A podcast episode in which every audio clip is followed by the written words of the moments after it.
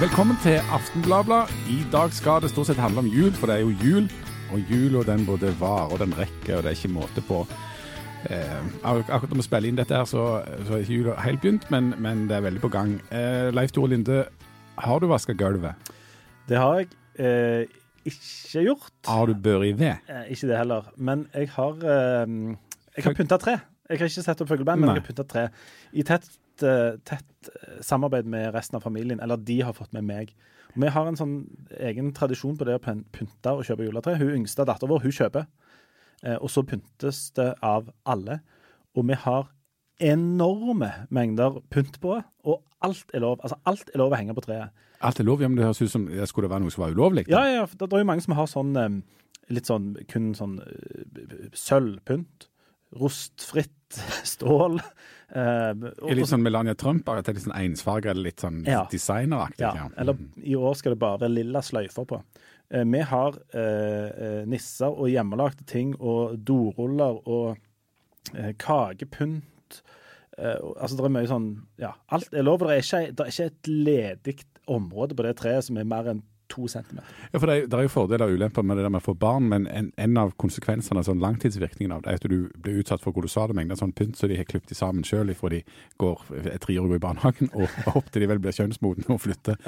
Og alt det skal jo på det treet. Så Det skal det. Men, men noen eh, kutter det jo ut etter hvert. Eh, tre eller ungene? Ja, begge deler. Det er ofte lettere å kutte ut ungene enn juletreet, har jeg inntrykk av. Men, Mm. men altså, mye av denne julepynten som da eh, Sondre lagde når han var to år i barnehagen, den har jo en tendens Den, den har jo mor en tendens til å rasjonalisere vekk etter Ja, hvert. ja. Eh, men det skjer ikke hos oss. Vi har alt den der rapen, og vi henger alt på treet. Eh, og det syns jeg er litt, eh, det er litt stas. Ja, det er litt stas, ja. Det tar enormt lang tid, da. ja. Har du, har du pynta tre sjøl? Nei, um, og jeg lurer på om det er noe sånn kjønnsrolleelement inni dette her. Jeg må vel tilstå at jeg er ikke så innblanda i den der pyntinga som ei annen, som jeg kjenner godt. Ehm, For du sånn- bor jo på Du bor jo rett der oppe på 1950-tallet, gjør du ikke? Jeg bor der oppe på 1950-tallet, ca. Sånn rundt 1952. Jo, nei, men altså, jeg, jeg eh, har vært med å handle tre. Der har jeg jo argumentert for å kjøpe et eh, billig tre, da. Hva betalte du? Ja, 249 kroner. 800. Ja, der ser du. Vi, lyk jeg, vi var enige faktisk i år om at vi skulle eh, prøve å få tak i det billigere. Vi har kjøpt Mm. Det vil si at den ene sida på det treet er meget mager og, og, og rar, og den står nå inn mot hjørnet. Men noe av det paradoksale er jo at vi skal jo ikke være hjemme i jula i, det hele tatt. Sånn all denne pyntinga, den har jo skjedd for jeg vet ikke, lufta eller noe. Men, men det ble et fint tre for det, altså. Så, men jeg, jeg, jeg, jeg pleier alltid å være med på handling av tre, og så pleier jeg egentlig å være med på å bære det inn og liksom få det i foten og alt det der greiene der. Men akkurat i år så, så sto jeg og lagde noe mat. Men, eh, men eh, klarer dere dere med et sånn tre fjerdedels fint tre fordi noe skal stå inntil veggen? Hva skjer da når dere skal ta det ut og gå rundt det? Her, altså, det skal jo gås rundt enebærbusken, i hvert fall hos oss. Ja, men det ble ikke gått noe rundt noe enebærbusk hos oss, spesielt siden vi da ikke er der. Eh, men det blir gått rundt enebærbusk der som vi skal feire jul. Ja, For dere går rundt juletreet. Ikke, ikke der jeg kommer ifra, men jeg må jo tilpasse meg. Dette med ekteskap er jo et enormt langt kompromiss. Selvfølgelig. Eh, men da jeg spiller piano, og eh, spiller sangene, og så går de andre rundt. Ja, For det er noen som går rundt juletreet. Ja, dere går rundt Ja, juletreet. vi går, og vi går mye, og, og ivrig. Og sier du det? Ja, ja. Og med glede. Er det ikke sånn unger som snart blir ungdom, er det kult å gå rundt juletreet? Ja, Kult og kult, men det er noe med at eh, hvis alle er med altså Hos oss er det heller ingen, med mindre du på en måte er Det er kun egen død som er, er godkjent. Eller amputasjon av fot. Hvis du ikke har bein, Ja. så slipper du. Men ellers går alle rundt, og det er ganske, det er ganske artig. Og vi har, eh, vi har mange sanger, og det synges av I Hjartans lyst. eh, flerstemt. Eh, ringene, ofte i de største selskapene så har vi to ringer, sånn at de kan gå hver sin vei. Ja. Det er jo litt uh, sneisent. Ja. Så vi har noen sånne tradisjoner som vi holder beinhardt på. Og då, då, det er òg en anledning til å lære julesanger og mange vers. Har, det går òg litt sånn sport i hvem som kan komme de med mest obskure versene. Når du har sunget de tre-fire vanlige på Et barn er født i Betlehem, så er det alltid en eller annen onkel eller et søskenbarn eller noe sånt som kommer med, med helt sånne obskure opplysninger. Gjerne noe om Egypt Ja. eller Mesopotamia eller Timoteus eller Ja. noe vers som ingen har hørt om før. Jeg beklager å si det, men dette høres bitte litt ut som sånn kristen humor. For dere, for, for dere dere har sånn kristen bakgrunn, egentlig. da. Altså, det, er liksom ikke så mye sånn akevitt og, og juleøl og onkel som synger feil sang på den måten. Nei, det er nokså nok så sømmelig sånn. Men, men jeg vet ikke om du visste dette, men julen er jo en markering av Vår Herres nedkomst til jorden. Um, Nei. jo, det Nei. er faktisk det er, det er det julen handler om. Men, men du er jo en beinhard hedning. Ja. Så du feirer vel det at Du feirer vel absolutt ingenting. Du har bare fritt. Altså, du Ja, skummer fløten av oss troende Ja. som har en grunn til å feire jul. Nei, altså, nei, jeg vil heller si at min kulturelle dannelse på en måte går lenger tilbake enn de der 2000 år, som, som er litt kort i mitt eh, perspektiv. Sånn at eh, Jul er jo bare tilfeldigvis plassert der fordi at det var en masse andre feiringer der. Sånn at Saturnalia Kjenner du til det? Romerne feirte jo Saturnalia fra 17. desember til rundt 23., der de åt og drakk og feirte noe voldsomt. Eh, vikingene eh, feirte jo, og rundt i hele verden så har en jo feirt at, at, at sola på en måte snur. Eh, vikingene, eller i norrøntid heter det jol. Ja, jo, jo, jo. Så, men, så, men dette, så det er jo ikke så nei, dette blir litt det, tungt. det å ha fest midtvinters, det har ikke nødvendigvis noe med Jesus eller Gud Nei, men alle, jo, men alle de som har feirt dette, har jo feirt et eller annet. Eh, ja, jeg, feirer, jeg, jeg feirer at det går mot lysere Nei, det gjør du ikke. Og så feirer jeg at jeg endelig får litt fri etter å ha jobbet intensivt helt til sommerferien. Det eneste hedningen jeg feirer til jul, det er halv skatt. Det feirer vi, og det er jo verdt en er høytid i seg sjøl. at det er fri fra jobb. Jeg mener jo, eh, rent prinsipielt, jeg mener ikke dette innerst inne, men prinsipielt så mener jeg jo at alle hedninger burde ha jobbet til fire på julaften. Og Fulle arbeidsdager første og andre juledag. Ja. Muligens kunne fått fri på nyttårsaften. Men dette, synes jeg dette er jo da en sånn pragmatisk flott bieffekt av kristendommen, at det er en del fridager ute. Det skal jeg innrømme. Altså, Kristi himmelfart er en nydelig dag. Ja, sant? Og, og, Pinse. ja, og, og dere Andre pinse. Da. Og her flyter jo dere bare i kjølvannet på- oss som går fra- framme i denne litt sånn kristne plogen og ordner.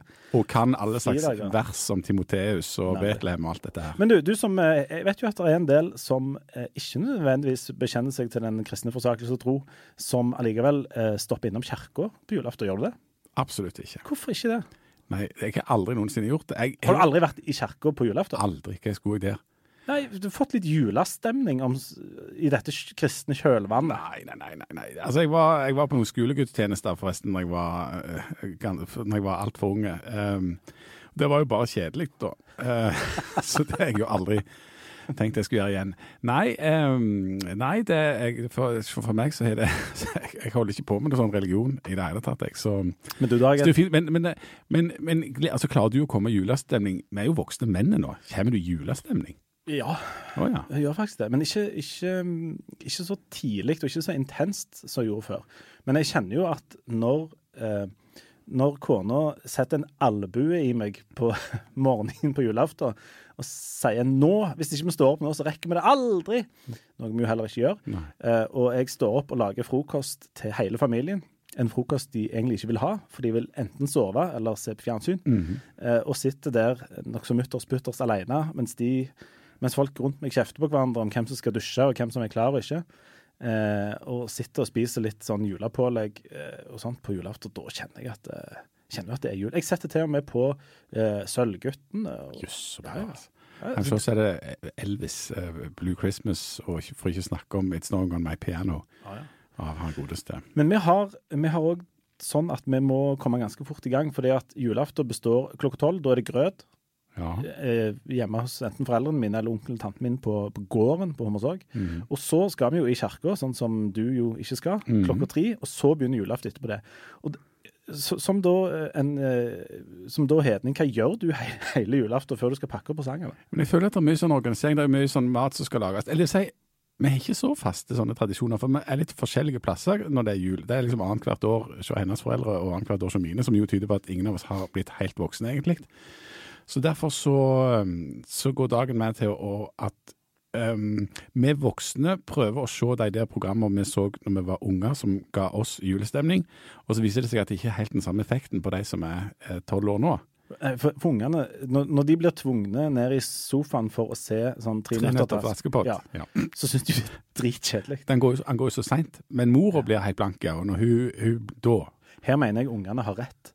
Jeg mener at den, den der julemenyen er så tilårskommen at han Jeg merker særlig når når eh, den der reisen til julestjernen dukker vel òg opp? Er det med Hanne Krogh, er det ikke det? Jo. jo. Eh, Ja. Eller mormor til Hanne Krogh, eller noe sånt. Ja. Det eneste jeg har veldig sansen for, det er Carl, den der Carl Bertils jul, den der svenske tegnefilmen. Den Ja, syns jeg fremdeles er søt. den, den den syns jeg var fin. Jeg kan avsløre at jeg var som barn forelska i Hanne Krogh når hun var med i akkurat den. Så, men Ja. det, ja. Ja, eh, det, det er kanskje noe hedensk over det. og- vi har jo aldri vært der. Nei. Men du, vi har, vi har en, eh, en annen juletradisjon som faktisk eh, går på, på tvers av alle religioner Mhm. og arbeidsforholdet her. Synes livssynsnøytrale. Ja, veldig livssynsnøytrale. Og det er at siden vi begge jobber i Aftenbladet, så er vi på Aftenbladet sin julelunsj Mm. hvert år. Ikke julebord, merk det. Julelunsj på dagtid. Aftenbladet holder det sømmelig Men serverer bare kaffe Ja. og eplemost. Fram til fire, og Ja. så sklir det. Men uansett. Eh, på denne julelunsjen så skjer eh, kan hva som helst skje, men det gjør det ikke, for det skjer akkurat de samme ting hvert eneste år. Bortsett fra de årene det har skåret seg. Selvfølgelig. Men en tradisjon veldig lenge hos oss var at, med, at Aftenbladet eh, ba inn eh, Sally Nilsson, Mm. eller Grete Lille Tangen, Mm. vet ikke helt, litt sånn annen hver, eller alt ettersom, til for å lese de små armene for oss Av Ajax. av Ajax. Stavanger-forfatteren. Ja. Han godslige. Ja. Og det er jo en av de aller søteste og varmeste historiene som fins, særlig når Sally Nilsson og Grete Lille Tangen har lest den. Mm. En flott tradisjon. Flott tradisjon. Men eh, det er skrevet i en litt annen tid enn den vi lever i nå. Så på en måte så blir den litt sånn gammeldags.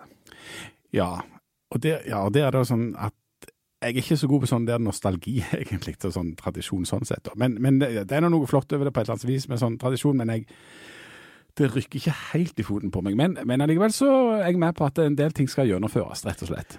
Ja, og nå, nå har jo ikke vi eh, Vi har jo ikke hyrt Sally Nilsson eller Grete Lill Tangen til å komme og lese dette, men eh, men vi tenkte nå at vi allikevel skulle lese dette til Sånn at alle får høre eh, hvordan det var å være Johanna og brormann i litt sånn i gamle dager i Stavanger.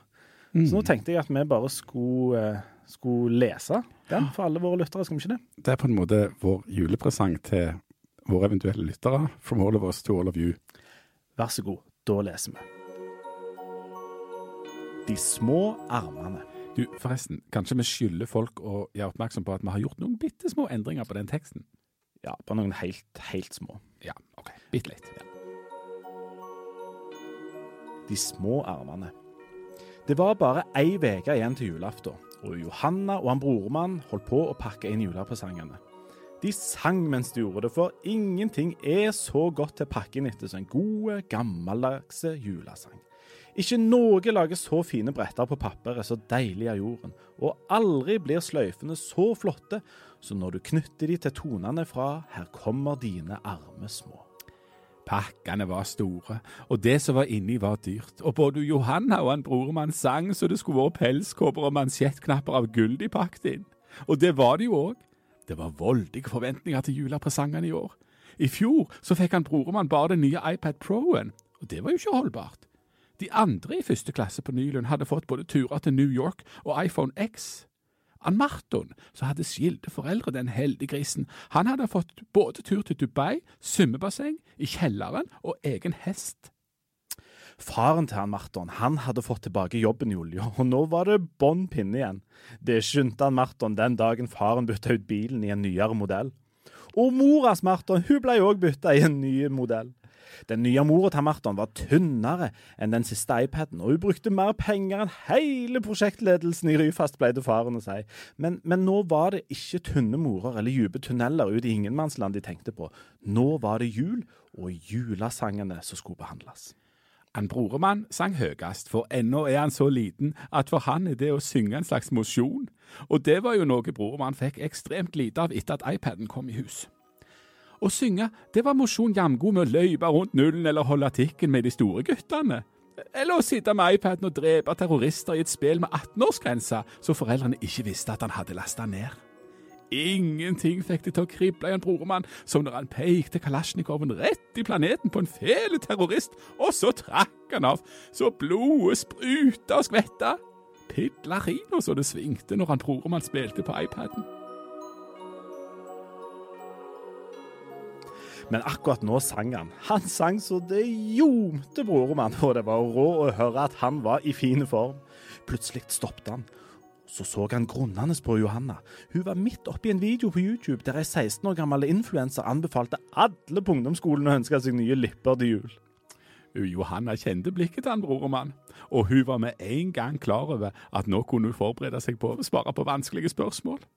Åh, bare han ikke spør om hva vi skal med Ryfast, eller den der bussveien, tenkte Johanna. Hun hadde svar på det meste, men akkurat det med Ryfast, og særlig den bussveien, der måtte til med de skarpeste melde pass. Men det var ikke det han brormann lurte på. Hvorfor, sa han brormann, er det bare de små armene som kommer i stalladgå? spurte han, mens han kasta en flott håndgranat inn i et rom med iPad-terrorister. Johanna, som ikke var riktig med på notene, klydde seg på leggen. Var et forterende utslett hun hadde fått. Kunne det være glutenallergi? Eller laktose? Tålte hun ikke nudder lenger?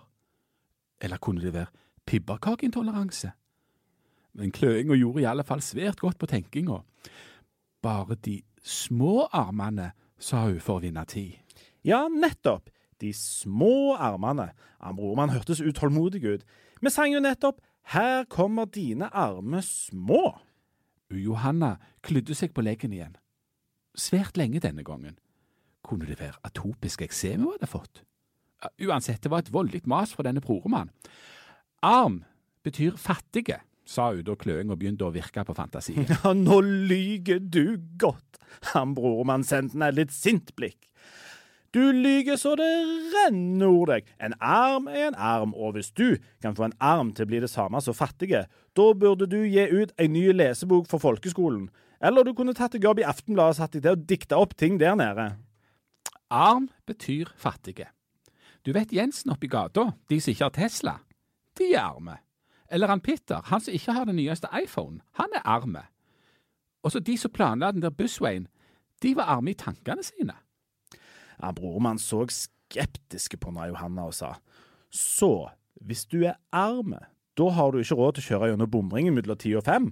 Er det disse små armene som roper 'nok er nok, nok er nok' på Facebook? Ja, jo, og, det er jo sånn at hvis du ikke var arm fra før, så er du det iallfall etter at du har passert i bommen, sa Johanna. Det ble ei svær kløing på leggen igjen. Kunne det være lopper? Eller veggedyr, kanskje? Det hadde jo blitt så populært. Denne gangen klødde så lenge at han brormann fikk tid til å skyte en hel bøling med terrorister på iPaden, og blodet spruta i litersvis. Han smilte så varmt han brormann han fikk skyte folk på iPaden. Det var akkurat det pusterommet Johanna trengte, for da han broremann kom inn igjen, så var fantasien i full beredskap. Nå skal du komme og sette deg ved siden av meg, sa Johanna, for nå vet jeg hvordan det er. Nå skal du få høre om de små armene, sa hun, mens hun øvde litt på duckfacet sitt. Kanskje, kanskje hun òg burde ønske seg nye lipper til jul. Så en arm er altså ikke det samme som fattige, sa han broremann. Å, kanskje er det ikke det. Johanna slo ut med hånda. En arm er en arm, akkurat en fot er en fot. Og en død terrorist, det er en død terrorist. Og de armene som det står om i julesangen, det er armene til noen små unger som jeg skal fortelle deg om nå. Hm, du er vel aldri ute på lyging igjen? Han brormann sendte ned et mistenksomt blikk. Hvis jeg lyver nå, sa Johanna, så skal jeg stå på hendene ytterst på taket på det der nye hotellet til Petter Stordalen. Ja, jeg tror deg, sa han brormann, og kom til å tenke på at han hadde fått litt sansen for han Stordalen etter han sa det der med 'blodet renner i gatene i Stavanger'. Det var mest ingenting han brormann likte bedre enn når blodet rant, enten det nå var terrorister på iPaden, eller i metaforer fra litt korte forretningsfolk med skinnbukser fra Østlandet som ikke ante hva de snakket om. For mange hundre år siden, begynte Johanna, så hendte det at det kom et lite baden til verden, i en stall i en by i Jødeland. Det, det, akkurat her syns jeg vi skal være lite grann forsiktige, sa han brormann. Hva mener du? Jo, altså, sa han brormann, den moderne staten Israel ble oppretta i 1948. Men han hadde en forhistorie knytta til den organiserte jødiske og sionistiske innvandringen fra Europa i 1880-åra, og da Israel ble opprettet som deler av det tidligere mandatområdet Palestina, følte jo det til en vedvarende konflikt mellom den nye staten og de fordrevne arabiske, eller rettere sagt palestinske befolkning og de arabiske nabolandene. Siden den gang har området vært preget av stor parlamentarisk usikkerhet, store bilaterale motsetninger vedvarende konflikt mellom den sionistiske staten og nabolandene, og det er ganske touchy greier, det der, sa han brormann. Fillarina, så den gutten kompliserer ting, tenkte Johanna mens hun klydde seg på leggen. Kunne det være elveblest? Eller skabb eller noe, tenkte hun. Det var iallfall grassat så det kludde. Han brormann blåste et par terrorister til himmels på iPaden, eller hvor de navner hen, når de møter bazookaen hans. Han så storesøster og rett i øynene og sa ja ja, greit, du sa noe om et baden. Ja, dette badene, sa Johanna, det var altså kommet til verden for å hjelpe de som hadde det vondt, særlig de som hadde tunge ting å slite på. Du vet, at å slite på tunge ting, det røyner på armene til brormann. Bare prøv, prøv å trekke håndkjerre eller dra i rulle, det er tungt, det. Ja, brormann ante ikke hva verken ei håndkjerre eller ei rulle var. Men, men det å bære tunge ting, derimot, det visste han mye om. Den nye iPaden hans var altså 200 gram tyngre enn den han hadde før. For at alle de som sleit på tunge ting skulle bli glade, fortsatte Johanna, så kom det noen engler ned på jorda for til å fortelle om det lille baden i stallen, det som var kommet til jorda for til å hjelpe, for eksempel med regningene til bomringen. Hvem de møtte, så fortalte de at nå kunne de slutte å slite på tunge ting, det var ikke nødvendig lenger, det lille badenet skulle hjelpe de med de tunge tinga. Johanna kom til å tenke på at det var tungt å slite med seg all sminke når hun hang på Kvadrat i helgene. Hun hadde ønsket seg nye sminkevesker til jul i fjor, den fine, enkle i nappa sin, med glidelås i gull, og det kosta bare godt og vel 1000 kroner. Men hun hadde ikke fått den. Skulle nesten trodd det var de som kjøpte julepresanger til Johanna og en brormann, som var de som var arme, men ok, uansett. De fleste bare lo av englene, særlig de med store, sterke armer. Et baden, sa de. Hvordan skal et baden klare det vi basker med? De viste englene musklene sine. Kjenn på de, sa de. Det er sånn som må til for å klare, tunge ting. Det er noe annet enn et baden i en stall. Englene kjente på musklene. Skrøpelige greier, sa de. Baden i stallen, det er sterkere. Han brormann kikket på Johanna med noen store øyne. Han smilte sitt største smil og sa en gang Johanna brukte jeg en flammekaster og satte fyr på en hel staddel som var full av terrorister. Å gud, hvor de brant mens de ropte og skrek der inne. Å, du er god på den iPaden du, broremann, sa Johanna før hun fortsatte historien sin. Men da ble de med de store, sterke armene sinte og sa at englene kunne grave seg opp til himmelen igjen, eller skulle de vise dem hva kraftige muskler kunne brukes til. Kunne de gitt litt juling til de som planla denne bussveien, foreslo han brormann. Nei, engler gjør ikke sånn, sa Johanna. Nei vel, sa han brormann. Reiv de i det minste hovene av englene, og så satte de på sånne spyd rundt terroristleiren før de angrep de med napalm? Eller føyk englene bare rett opp til himmelen igjen? spurte han brormann. Jeg kan skynde, de gjorde ikke det, sa Johanna. Englene er ikke sånn. De blir ikke fornærma fordi om noen breser seg med svære muskler. De, de, blir heller ikke sure, sånn som hun der bitchen Stine i Farmen som ble helt syk og han er wacko kan stabbe i ryggen bare for å bitche til alliansen med Kukstein og fucketryne Frank. Jævla bitch! Hun fortjente så sinnssykt å ryke ut når hun var så jævla bitch! Men nei, engler er ikke sånn. I stedet for å fyke opp til himmelen, så så gikk de rundt og vekte alle de små badene i Jødeland. Ja, akkurat der tror jeg vi skal være lite grann forsiktige. Ja, ja, ja. ja. Badene, badene på den okkuperte Vestbredden, ja. Det, det er touchy greier, det. Det er enormt touchy, ja, men, men uansett. De som hadde tynne og små armer, de sa at nå måtte de kle på seg og gå til Betlehem, for der, i en stall, så var det altså et lite baden som ville hjelpe dem hvis de hadde tunge ting å bære på. Jeg sliter på level 40, sa han brormann. Vet du, Johanna, hvordan du kan lage ei bombe av kunstgjødsel og spiker, spurte han. Nei, sa Johanna og klydde seg på leggen. Kunne det rett og slett være psoriasis? Nei, nei, de fleste av badene ble glade og begynte å kle på seg, for ennå de hadde sovet lenge, så kunne de kjenne hvordan det verket i armene av ting de hadde balt med mens de spilte på iPaden på dagen. Det der er en klassisk iPad-skade, mumla brormann. Jeg må nok til fysioen sånn som Marton måtte etter 42 timer i strekk når han spilte Fortnite den gangen. Bare fyll stjerna, sa englene. Men vent etter fem, for da slipper dere rushtidsavgifter i Jødeland. Det, akkurat der med Jødeland tror jeg vi skal være veldig forsiktige med Ja, ja, akkurat... bomringen på den okkuperte Vestbredden. Ja, det er, det er touchy greier, det er Ja, men, veldig touchy greier. Men englene sa ikke vær redde, for vi fyker omkring i nærheten, og vi passer på dere. Å ja, de passer på, ja. Mm -hmm. Akkurat som staten, sa brormann. De følger med på alt, akkurat som staten. De tar alle pengene våre i skatter og avgifter, men prøver du å argumentere en gang mot nasjonalstaten, f.eks., og det maktapparatet som har som mål å passifisere befolkningen med å begrense den private eiendomsretten, da, da blir du plutselig tatt ut av ordfagstimen og må ned til helsesøster for en såkalt samtale. Men bompenger skal de ha til staten og de, sant? i bytter og spann, og det spannet det må du faktisk kjøpe sjøl, og da må du gjennom bommen, eller du må stå i stampe i den bussveien. Og hvis du gir blod på sykehuset, f.eks., da må du betale moms på det. sant? Og bompengene det må du òg betale hvis du bare skal gi blod, og det går ikke lenger. Det forstår med Marton, han har ikke forstått noe siden level 20. Johanna kikket på broren og tenkte at det var siste gang hun kjøpte Red Bull til en 20-åring. Men akkurat nå nå måtte hun bli ferdig her, for det klødde så inn i hesterøya på den leggen at hun lurte på om det kunne være hepatitt eller noe, så hun fortsatte.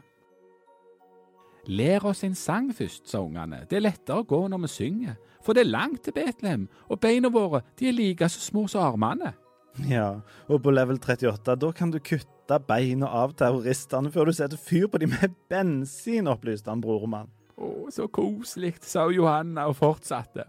Dere skal få en sang, sa englene og smilte. Syng denne. Her kommer dine arme små, o Jesus i din stall at gå, opplysen enhver i sjel og sinn, at finne veien til deg inn. Fant ungene stallen? spurte han brormann. Johanna så på lillebroren, heiste han opp i fanget og smilte. Nei, det var ikke wifi i stallen, så de ble heller hjemme. God jul.